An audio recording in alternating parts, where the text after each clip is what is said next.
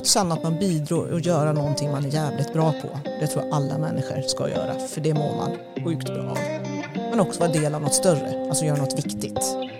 Och så kunna styra sitt eget liv. Det är viktigt för mig.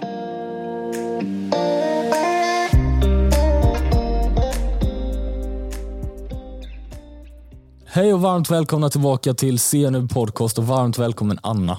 Tack så hemskt mycket. Hur är läget? Bara bra tack. Underbart. Jag tänker vi ödslar som vanligt ingen tid och hoppar på det direkt. Var sitter du idag för, på position och hur såg resan ut för dig att komma dit? Det är en enormt stor fråga, men jag är idag ansvarig för interimsaffären på One Partner Group som är ett bemannings och rekryteringsbolag.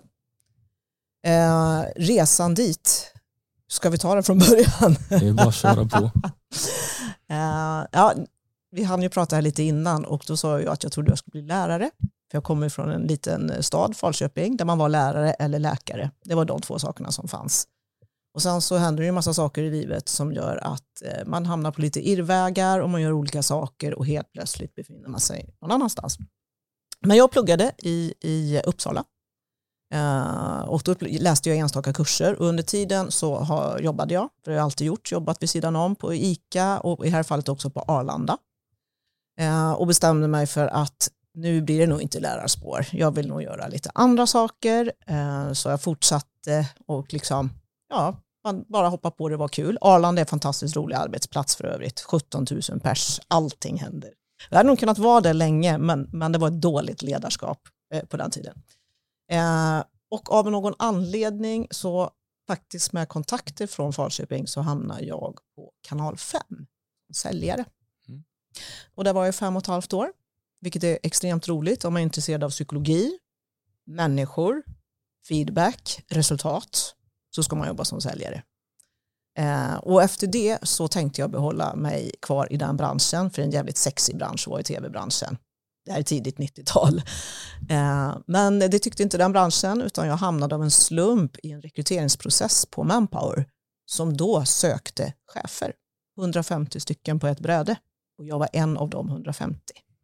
Och då hamnade jag i bemanningsbranschen som är jätterolig.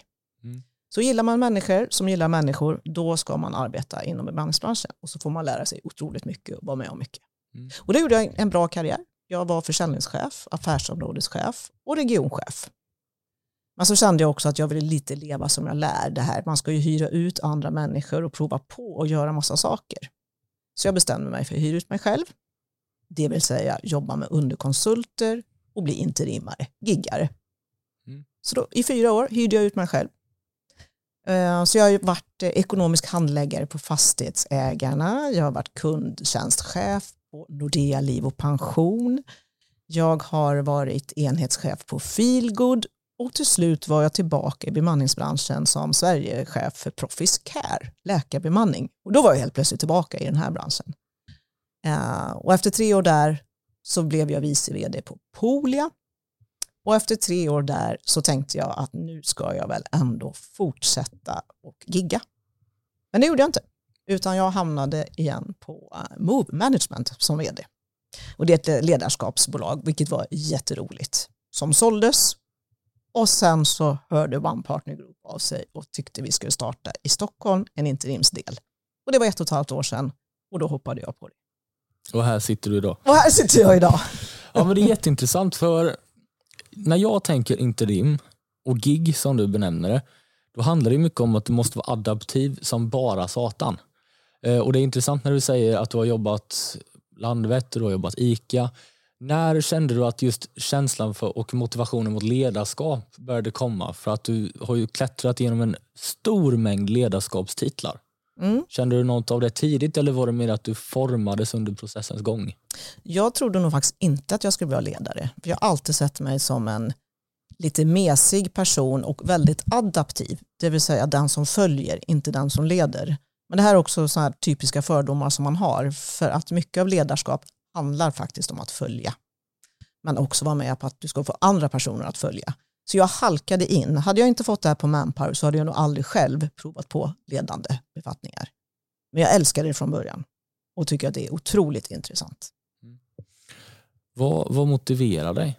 Om vi tittar på dagens anda när vi har gått igenom titlar och liknande. Vad får dig att vilja fortsätta utvecklas och vad fick dig och vad kanske har skilt sig nu från idag och gårdagen? Just det här med giggande, interim. För att är, du måste ju vakna varje morgon och känna boom, utmaning. Mm. Och det kommer ju tjänstens definition. Men har du hämtat någonting mer? Har du något system för det? Hur laddar du? Mm, men jag, jag har alltid drivits av oro och prestation. Och när jag var yngre så var jag lite orolig att det skulle synas för mycket. Man gjorde ju tester till exempel när man började i bemanningsbranschen som heter OPQ. Och jag var så rädd att jag skulle få väldigt högt på den här variabeln som heter oro innan jag förstod att det är en bra variabel. För att oro är också en enormt bra drivkraft om den inte går överstyr. Och det får man ju passa sig för. Och för mig är oro och prestation de stora drivkrafterna. Men det har också ändrats lite över åren. Jag är lika orolig och lika prestationsinriktad. Men nu är det också andra saker som är viktiga. Och det är ju eh, att vara duktig. Att känna att man bidrar och göra någonting man är jävligt bra på. Det tror jag alla människor ska göra. För det mår man sjukt bra av. Men också vara del av något större. Alltså göra något viktigt. Och så kunna styra sitt eget liv. Det är viktigt för mig. Men det, det låter ju som att det verkligen är i runda svängar entreprenörskap som helhet. Styra sitt liv och om vi tittar på dagens entreprenörer så drivs ju de av just osäkerhet. För du måste vilja utveckla din produkt konstant efter kundens efterfrågan och från marknadskompetitor som styr vad en bra produkt är och vad framkant är. Så det är otroligt intressant att du säger att det driver dig och då blir det ju mig att fråga, vad inspirerar dig? För att kunna bygga vidare på motivationen, vad hämtar du inspiration? Ja, men dels är det av andra människor. Det är otroligt roligt att lära sig något nytt, hur gammal man än blir. Så kan man också inse att även om det ser likadant ut så skiljer det sig på olika sätt. Samtidigt, alla människor är människor. Det är också sig likt. Och att se den mekanismen och vara med och se vad som händer, att ofta är de små sakerna som gör att det blir en stor skillnad, är enormt roligt att få vara med och bidra. Mm. Vi, vi är som barn innerst inne, alla. Se mig, bekräfta mig, älska mig. Det, det är de krafterna som styr allting. Men sen är vi ju olika på hur det ska, hur det ska styras upp. Mm. Det känns som att det är grunderna för just bra och välvårdat ledarskap, att kunna se individen som en individ och hantera dem som en egen människa och inte bara en siffra i systemet. För då får du inte det här, först och främst den personliga kontakten med din kollega eller kamrat du jobbar med. Du måste ju se, okej okay, vad driver den här personen och hur ska jag berätta för den här personen för att kunna bekräfta dem? För vissa tar ju inte bara att du går och säger oh, men vilket bra jobb du har gjort. Vissa måste man säga det på ett annat sätt. Mm. För att det är därför du har personligheter, det är därför vi är olika. Vi har logiska, vi har konservativa, vi har kreativa och vi har mer drivna och röda underbara människor. Mm. Men eh, om vi går in på framgångar och motgångar. Och du, får, du får berätta ifall du inte ser motgångar som motgångar. För det gör inte vissa. Mm. Men, men har du några som verkligen definierar en vändpunkt i din karriär eller ditt liv inom just arbetsdelen? Mm. Ja, men framgång, det var, det var första intervjuerna på Manpower. När de säger till mig och tittar mig verkligen i ögonen att okej okay, Anna, nu satsar vi på dig och du kommer få göra precis allt. Du kommer göra så mycket misstag och vi kommer stå bakom dig. Men det är en sak som du aldrig får göra. Och det är att göra ingenting. Du måste alltid agera. Då förstod jag kanske inte hur bra det var. Men det var verkligen fantastiskt. För under tio år var jag på Manpower och gjorde alla fel. Och jag kände mig helt trygg. Och jag kände mig otroligt uppskattad och duktig. Och fick ju prova på och göra allting. Baksidan av det, det är också min motgång. För när jag sen slutade efter tio år och började på andra företag så insåg jag att jag var inte så jäkla briljant som jag hade fått för mig. För jag var briljant i den kontexten. För Manpower var ett väldigt bra företag med en bra struktur, bra värderingar, bla bla bla. Nu hamnade jag någon annanstans så gjorde jag ju okej resultat tyckte jag. Men jag var inte så bra som jag var van vid. Och det var också intressant att se vad som påverkade vad. Alltså man behöver vara, man behöver hitta de strukturerna där man själv kommer till sin rätt. Och det vet man ju inte alltid. Utan det är ju ett jobb att ta reda på det. Och det är det vi har sett också av att vi sitter ner med de som är bäst inom sina sektorer, precis som du själv. Det är just att för att du ska kunna bygga om dig själv till den mest produktiva och inte produktiv i arbetsförmåga för att kunna producera, för att kunna göra det på ett längre och bättre sätt mot dig själv och mot marknaden. Det är just, du måste kunna ha självinsikt. Du måste kunna titta på dig själv, vad jag är bra på, vad jag är mindre bra på. Titta på omvärlden, vad den visar upp för spegel mot dig. För man kan sitta och lite nonchalant tänka att ja, men jag är nog bra på det här. Jo, men du måste titta på dina resultat också. De säger ju enormt mycket. Man kan inte bara blunda från det som går dåligt och tänka ja, men nu är det en ny sida hela tiden. då står du bara och bläddrar i samma bok hela tiden. Mm. Och Det som vi har sett som steg två, som jag tänker du kan få lägga en kommentar på, det är att efter självdisciplin så kommer du in i själv, eller självinsikt, så kommer just självdisciplinen. Just hur du börjar, precis som du säger lite själv, strukturen bakom dig. Mm. Hur lägger du upp det på ett hanterbart sätt och ett långsiktigt sätt? Och jag tänker om du jämför dina olika yrken och olika positioner genom din karriär. Vad, har, du, har du ändrat enormt mycket på det? Har du tänkt att du har ändrat mycket på det? Ja, en, en sak som jag ändrat på det var när jag var mina första jobb. Och Det kan också göra med att jag var en ung kvinna i en mansdominerad bransch. Så var jag väldigt noga med att skilja på privatliv och arbetsliv. Och det nästan gick lite för långt. Jag kanske inte såg det då, men jag, jag kände själv att jag kanske var lite stel i min profession, för jag tänkte att jag behövde det. Nu ska jag säga att jag är precis likadan i mitt privatliv som mitt professionella liv. Och det har med erfarenhet och ålder att göra. Och det är enormt skönt. För för mig är det ingen skillnad. Jag är den jag är. Men det är den tryggheten jag har också nu efter alla år.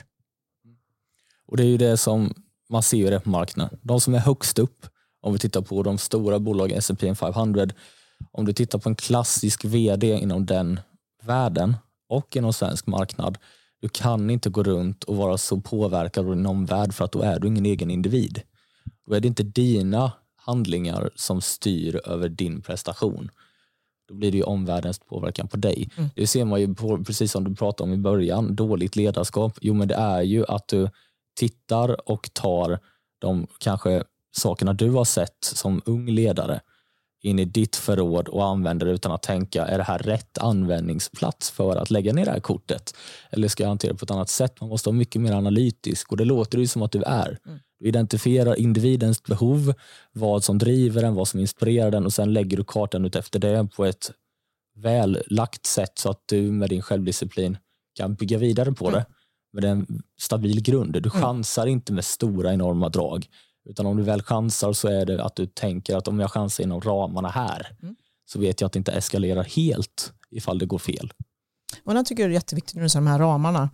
Eh, att, att man har redan bestämt vad är ramarna och de ska vara tydligt definierade men de ska också vara vida för ofta kan man göra mycket mer än man tror såvida man bara håller sig inför de här ramarna. Och sen så det här med människor också. Vi, vi är, jag brukar sälja när jag var försäljningschef att säljare är ofta som, som hundar. Liksom, man drivs av ett köttstycke, resultat framåt. Men det finns ju olika hundar. En del vill ju ha klappar, en del vill ha sparkar, en del vill hoppa och en del vill liksom bara bli gosiga. Och det är ju det som är det viktiga då när vi kommer till ledarskapet. Precis det att hålla koll på. Och också som vi sa när vi pratade om dåligt ledarskap, det jag har lärt mig mest av det är ju faktiskt mina dåliga chefer. För jag vet ju att de menar ju aldrig att vara dåliga. Men det uppfattades dåligt när man är underställd och det tänker man inte på. Och det är så jäkla nyttigt när man själv sen var i ledarposition och insåg att nu skulle jag vilja gjort så här. Men nu vet jag att det kan uppfattas på ett annat sätt. Eh, väldigt lärorikt, även om det inte är så kul när man är mitt inne i det. Ja, och jag skulle säga i min unga karriär att en bra ledare i mitt huvud definieras som en ledare som kan hurra lite tyst i motgångar med dig och se arbetsförsöket bakom det. Medan en dålig ledare är den som hamrar så fort det inte kommer över en grön linje. Och Det hör ihop med det du säger. Av att man ser en dålig ledare in action, det är ju nästan så att även om du inte har ledarskap i grunden, man känner att det här är inte är rätt. Och det är ju därför vi har väldigt många unga idag till exempel som byter jobb väldigt ofta. Vi har väldigt korta tider på just sommarjobb och liknande. Och det kommer vi också, har jag läst och märkt av att vi har börjat kolla på anställning och liknande på mitt bolag. Det är en helt annan värld om man jämför med datan för 20, 30, 40 år sedan. För att då var det mer accepterat att du kanske var en lite mer reckless ledare. Mm. Du var lite någon som ja, men du kunde stå och skrika, du kunde stå och piska lite. Men nu är det en helt annan typ. Nu är det leda genom exempel och inte leda genom terror. Mm. Och Det är så världen har förändrat på sig också om vi kollar historiskt Och det är ju ett nyttigt sätt för vi har aldrig haft den här utvecklingspotentialen och kurvan tidigare. Mm. Så vi verkar ju gå åt rätt håll. Mm, ja, verkligen. Och sen tror jag lite kulturellt, för vi kan se svensk ledarskap är väldigt bra. Alltså internationellt, det är det. Men det är också speciellt, för vi är ju mer konsensus och folk kan tycka att det är lite fånigt och, och mesigt, men det är faktiskt väldigt bra. Och jag skulle aldrig vilja jobba på något annat sätt. Och jag tror de som känner att det är fånigt och mesigt, det är de som hade överlevt ett liknande jobb utomlands. Mm. Men de hade aldrig känt total njutning eller total terror. Mm. De ligger i den här lilla mittendelen. Eh, och det är just de som inte säger någonting, det är de som älskar det. Mm. För om de säger någonting, då brukar det oftast vara väldigt, väldigt illa Mm. eller väldigt, väldigt, väldigt bra. Mm. Men det är ju det vi gillar med svensk marknad och svensk kultur. Det är ju att vi dricker vår kaffekopp på morgonen, vi är lite mer lugna, vi är lite mer konservativa när vi går ut i samhället. Och det, det måste man ha i åtanke, precis som du säger, när man tänker ledarskap också. Mm. Om du tittar på Frankrike och den typen av ledarskap genom historien och genom affärsvärlden. Det är mycket mer revolution, revolution ifall det är dåligt. Mm. Medan Sverige är lite som, vi peckar lite från grunden. Mm. Alla på olika håll och kanter och så kanske någon tar upp det och någon kanske märker det. Mm. Det är därför svensk ledarskap är det. Det är det gjort för svensk kultur. Mm. Och Jag tycker inte heller att man ska plocka isär det alldeles för mycket eller försöka sno för mycket av alla andra länder. Utan bygg på det på grunden, hittar man någonting som är adaptivt och förmånligt för svensk marknad och svensk kultur, lyft in det då. Ja, men jag håller helt med och jag vet många kompisar som jobbat internationellt. De är också, ni ska bara veta hur bra ni har det i Sverige. Det är bra.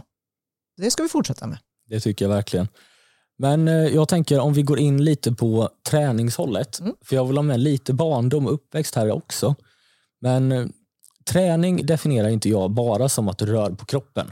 Utan träning kan vara allt från mental träning, det kan vara till och med åt det spirituella hållet, eller att du i alla fall försöker forma din kropp och ditt sinne att få balans. För att det är ju där vi kan bygga självdisciplin. För om du har obalans så är det relativt mycket svårare att bygga självdisciplin och behålla självdisciplin kontra om du har balans. Hur ser träning ut? Har du tränat någon speciell sport när du var yngre genom uppväxten och hur ser du på träning idag? Träning är jätteviktigt. Jag har alltid tränat. Eh, sen såg jag så dåligt när jag var barn så alla spelade fotboll och jag såg typ inte bollen. Sen den la jag ner. Så då har jag kört individuell träning. Jag har sprungit mycket och jag är typisk periodare. Eh, men jag mår jättebra när jag tränar och jag mår psykiskt dåligt om jag inte. Så på söndag så är det två år sedan jag började med min runstreak. Eh, så då har jag sprungit en mile om dagen, alltså 1,6 kilometer. Eh, och det gjorde jag fram till 4 augusti i år. Sen började jag med att träna varje dag. Så att jag har tränat varje dag i två år på söndag. Eh, och, och det är bara för att det ska bli som det här med borsta tänderna. Alltså du bara gör det. Någon gång under dagen ska du få in det. Sen är det mycket eller lite, det spelar ingen roll, men du ska göra det och du ska göra det varje dag. Och det är den fysiska delen som gör att du mår psykiskt bra. Men detsamma gäller ju ledarskap eller vad som helst. Ju mer du tränar, desto bättre blir du. Vad du än gör. Mm. Så det måste man alltid göra. När tränar du på dagen? Tränar du på morgonen eller tränar Mm, du på kvällen? ja, nu vet ju jag att du är en sån där som gör det på morgonen. Och jag försöker göra på kvällen, men enda anledningen är det, det är att då blir det ofta mer än de här sju minuterna som jag gör nu. För då har jag mer tid. Eh, för jag, jag är också ganska rutinmänniska som vill ha det på ett visst sätt. Och det som funkar bäst för mig när det gäller träning, det är när jag kommer direkt från jobbet. Eh, då passar det utmärkt. Jag går ner på mitt tjejgym och det är jag och några tanter där som hälsar på varandra och så kan vi köra på. Och då blir det minst sju minuter, helst mer.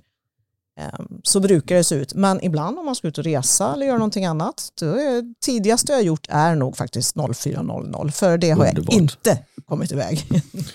Men det är så intressant just när du ser på träning som du gör för att det är en trendlinje vi har sett hos andra också. Och det är en trendlinje som jag tycker vi ska följa inom affärsvärlden också.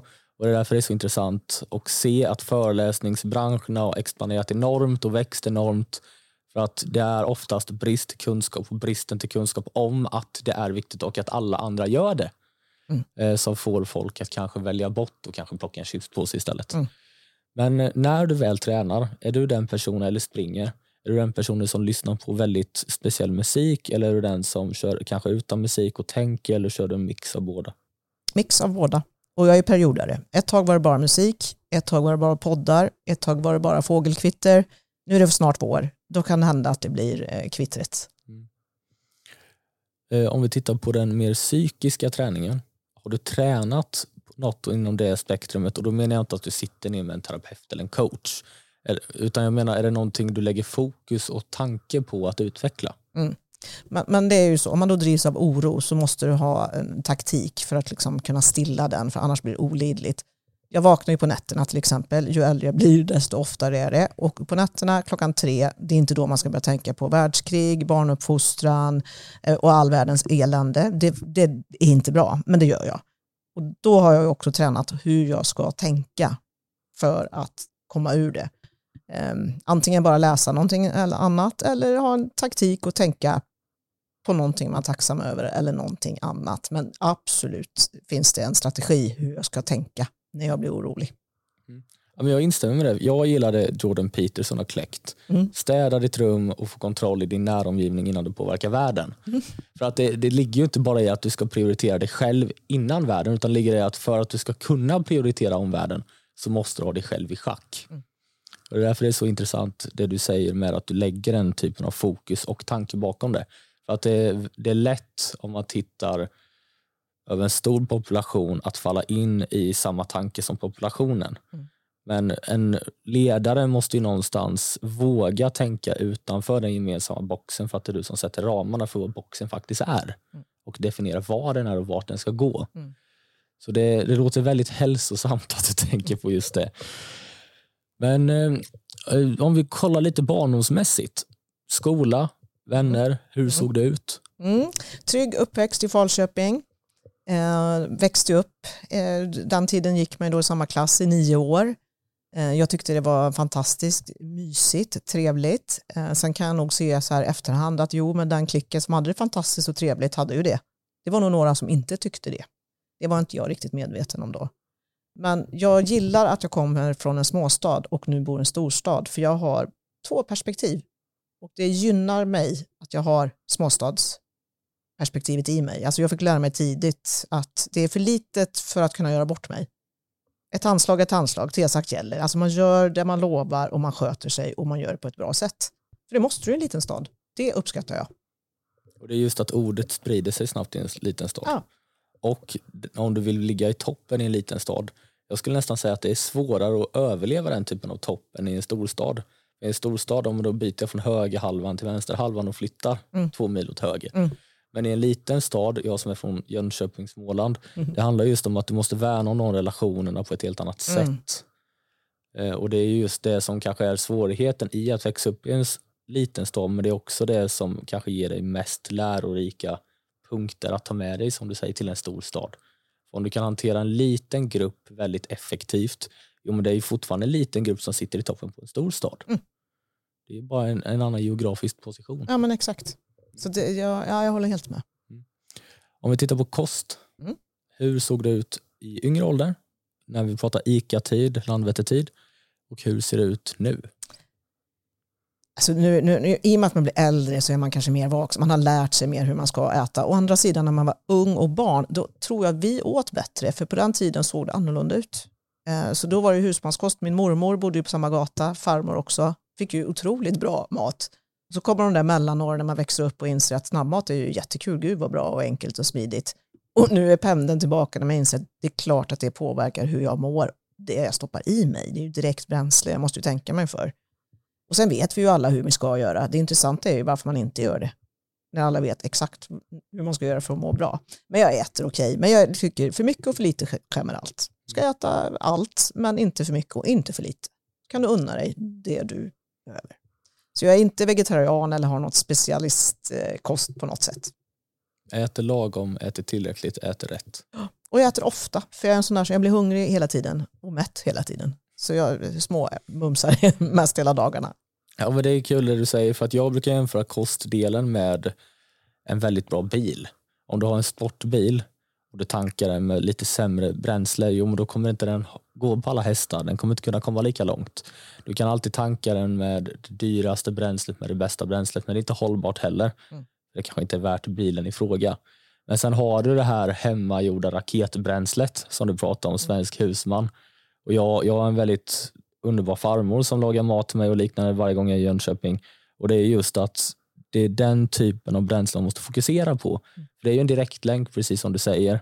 Och man kan hävda att om, jag tränar så här mycket kan jag äta det här. Mm. Men varför ska du om du Mm. ändå tränar så mycket? Det är en sån liten del. Om du, om du ligger liksom mellan fyra till sex pass, vilket är mycket för svensk standard. Mm. Varför ska du äta McDonalds till lugnt då? Mm. Är ekonomin problemet? Jo men ta det lugnt då. Mm. Hitta andra vägar. Det finns jättebra hälsosam kost som ligger på exakt samma budget. Mm. Så den bortförklaringen köper jag inte. Men eh, Ja, men du, det är intressant för du är så ung och ändå ser Ja. det här. För jag ser min, min dotter, alltså de, det funkar inte där. De mumsar i sig all möjlig skit. Som jag också gjorde. Och sen har man insett men du mår bättre. Och då är det värt det. Och jag har en underbar kollega som är väldigt, han, han är åt det vegetariska hållet. Mm. Jag har inte kommit dit än. Jag, jag älskar en köttbit. Men han är ju så varje gång vi sitter och jobbar på ett kontor liknande, det finns inte att jag lyfter in en McDonalds-påse, han, han slänger den. Det finns inte. Utan det är en poke bowl, välgjord och riktigt god. Och då känner man ju också sen att ja, men då får man inte den här matkoman, man blir inte helt mentalt förstörd i tre timmar. Mm. Utan det handlar om att bli mer effektiv och det är också självdisciplin, Mm. precis som träning. Absolut. Men om vi hoppar till den sista delen här, eh, som vi brukar dela upp i tre delar. Nätverk, skola, och då menar jag skola som kunskap, Mm. vart du hämtar, hur du hämtar. Mm. Och, nä, eh, och vad ska man säga, nära cirkelnätverk. Mm. Så jag har nätverk som kundrelation eller kanske försöker bygga mig in på ett bolag och sen är jag också liten cirkel, familje, familjecirkel. Hur ser du värdet på de olika? Och hur, om du hade kunnat leva om ditt liv lite, hade du formaterat om någonting? Det där var ju intressant. Mm. Jag har en ganska liten nära krets som, som står mig väldigt nära och det råkar faktiskt vara samma personer som jag växte upp med. Eh, Så jag bor ju inte liksom med mina närmaste egentligen. Förutom då familjen som är mina närmaste vänner så är det Falköpingskompisar. Och jag tror det hänger ihop, alltså man har så mycket historia gemensamt. Sen har jag ett stort krets, stort nätverk och jag har som princip att man ska samla på bra människor. Eh, Det ska man alltid göra. Så kan man tycka att det är bra för ditt jobb. Nej, det är bra för mitt jobb, men det är också bra för mig personligen och för alla andra. Bra människor, där du hittar dem, ta vara på dem. Och sen tror jag också ju äldre man blir att det behöver inte vara så komplicerat. Eh, Som tjej och yngre, då trodde, alltså vänskap var lite komplext. Det skulle vara på ett visst sätt. Och nu inser man, nej men det behöver det inte vara. Du kan ta en kaffe då och då och bara umgås. Så finns det vissa som ger energi, umgås med dem. Och vissa som inte gör det, umgås mindre. Det är inte så jävla farligt. Och nej, och det är just produkten och din omgivning. Så enkelt är det. Liten cirkel gör mer påverkan på dig än stor cirkel. Mm. Så det är återigen tillbaka till det här, ha kontroll på dig innan du går runt och försöker förändra världen. Mm. Men eh, om vi tittar på skolgången, om du hade kunnat leva om ditt liv i dagens samhälle, Mm. hade du gått en liknande bana eller hade du nischat ner dig åt något håll? Menar du rent utbildningsmässigt? Rent Alltså, utbildningsmässigt. Jag gick på lust. Jag insåg att jag vill vara bra på någonting och för att vara bra på någonting så måste man orka träna på det. Och för att orka träna måste du tycka det är roligt. Alltså måste du plugga eller göra någonting som är lustfyllt. Annars blir det för tungt. Det skulle kunna gå bara på självdisciplin. Men det kändes inte kul. Så jag eh, läste ju enstaka kurser det jag tyckte var kul. Jag tror att det kanske inte funkar så idag. Eh, jag tror kanske man måste tänka på ett annat sätt, men jag tror det är viktigt att göra det som är roligt. Mm. Om det går. Och hur tänker du när vi, för jag vill gå in lite mer på det här makro när vi pratar nätverkande. Hur du som sitter på din position har suttit på de ledarpositionerna och rollerna. Hur viktigt är det när du träffar någon att de sitter på rätt kontakter? Hur mycket mer ger det innan du sitter ner med dem? Men, men rätt kontakter, alltså det här är så svårt, för det är som när man pratar försäljning, går du på rätt personer? Ja, grejen är, om du visste det, du skulle ha två möten i veckan och det gav 100%. Nu vet du aldrig det, alltså får du träffa 20 personer i veckan och så får man se vad som händer. Så den delen, att värdera kontakter, den har jag helt slutat med. Det viktiga är att du träffar människor och så får du ta det på resans gång. Och nu är jag så pass gammal så jag har mött så många människor genom alla yrken, eftersom jag har varit på så många positioner och så många arbetstillfällen och olika arbetsplatser. Och jag har mött så många guldkorn på de här ställena och de försöker jag värdera att fortfarande ha kontakt med. Och det händer ju saker i deras liv, så det här är ju sånt enormt stort nät som du säger, makro, liksom. man kan inte ens överblicka. Det som var den ynka lilla tv-planeraren på, på en liten mediebyrå är idag liksom den högsta och tvärtom, du vet inte. Så det är ingen idé att värdera, det är bara go for it. Men jag tror det är intressant just för att du delar med att du kommer från relativt små städer. Man kunde ju aldrig drömma om att det fanns folk som var så intressanta i stora städer oavsett om man tyckte det var intressant med stora städer. Mm. Och då börjar man ju inse att okej, okay, nu har jag bytt stad en gång. Vad händer om jag byter stad sex gånger till? Jo, men då blir det ju en sexmultipel på det här. Exakt. Och ännu mer för att Exakt. du lär känna folk som känner folk i andra städer. Så äh, men jag, jag tar med mig just det här du säger med att droppa värderingar för att jag tror det är väldigt lätt i en ung persons liv att se om en, de måste ha ett visst värde och jag måste jaga det värdet och, det, och förvalta den här relationen på grund av att bibehålla kontakten och potentialen att i hårda ord utnyttja det här värdet. Men det är ju fel tänk, precis som du sa i början här. Om, om du tar hand om dig så tar jag hand om mig så tar vi hand om varandra. Mm. Eh, och det tror jag till och med vi sa innan mickarna, mickarna gick på, men det stämmer ju så otroligt bra. För att det är ju då de mest ärliga relationerna kommer till dig, för du har ingen dold agenda. Exakt. Och det är det folk värderar längre. Ja, och du känner direkt när någon har en dold agenda. Alltså du känner, du kanske inte kan uttrycka den, men det känns. Så skit i det. Hjälp folk utan att egentligen förvänta dig att få någonting tillbaka. Ja, Får du någonting så. tillbaka så tackar du två gånger istället Mm. för en. Tack så jättemycket för att du var med. Tack så hemskt mycket att jag fick vara med. Ha det så bra och en produktiv arbetsvecka.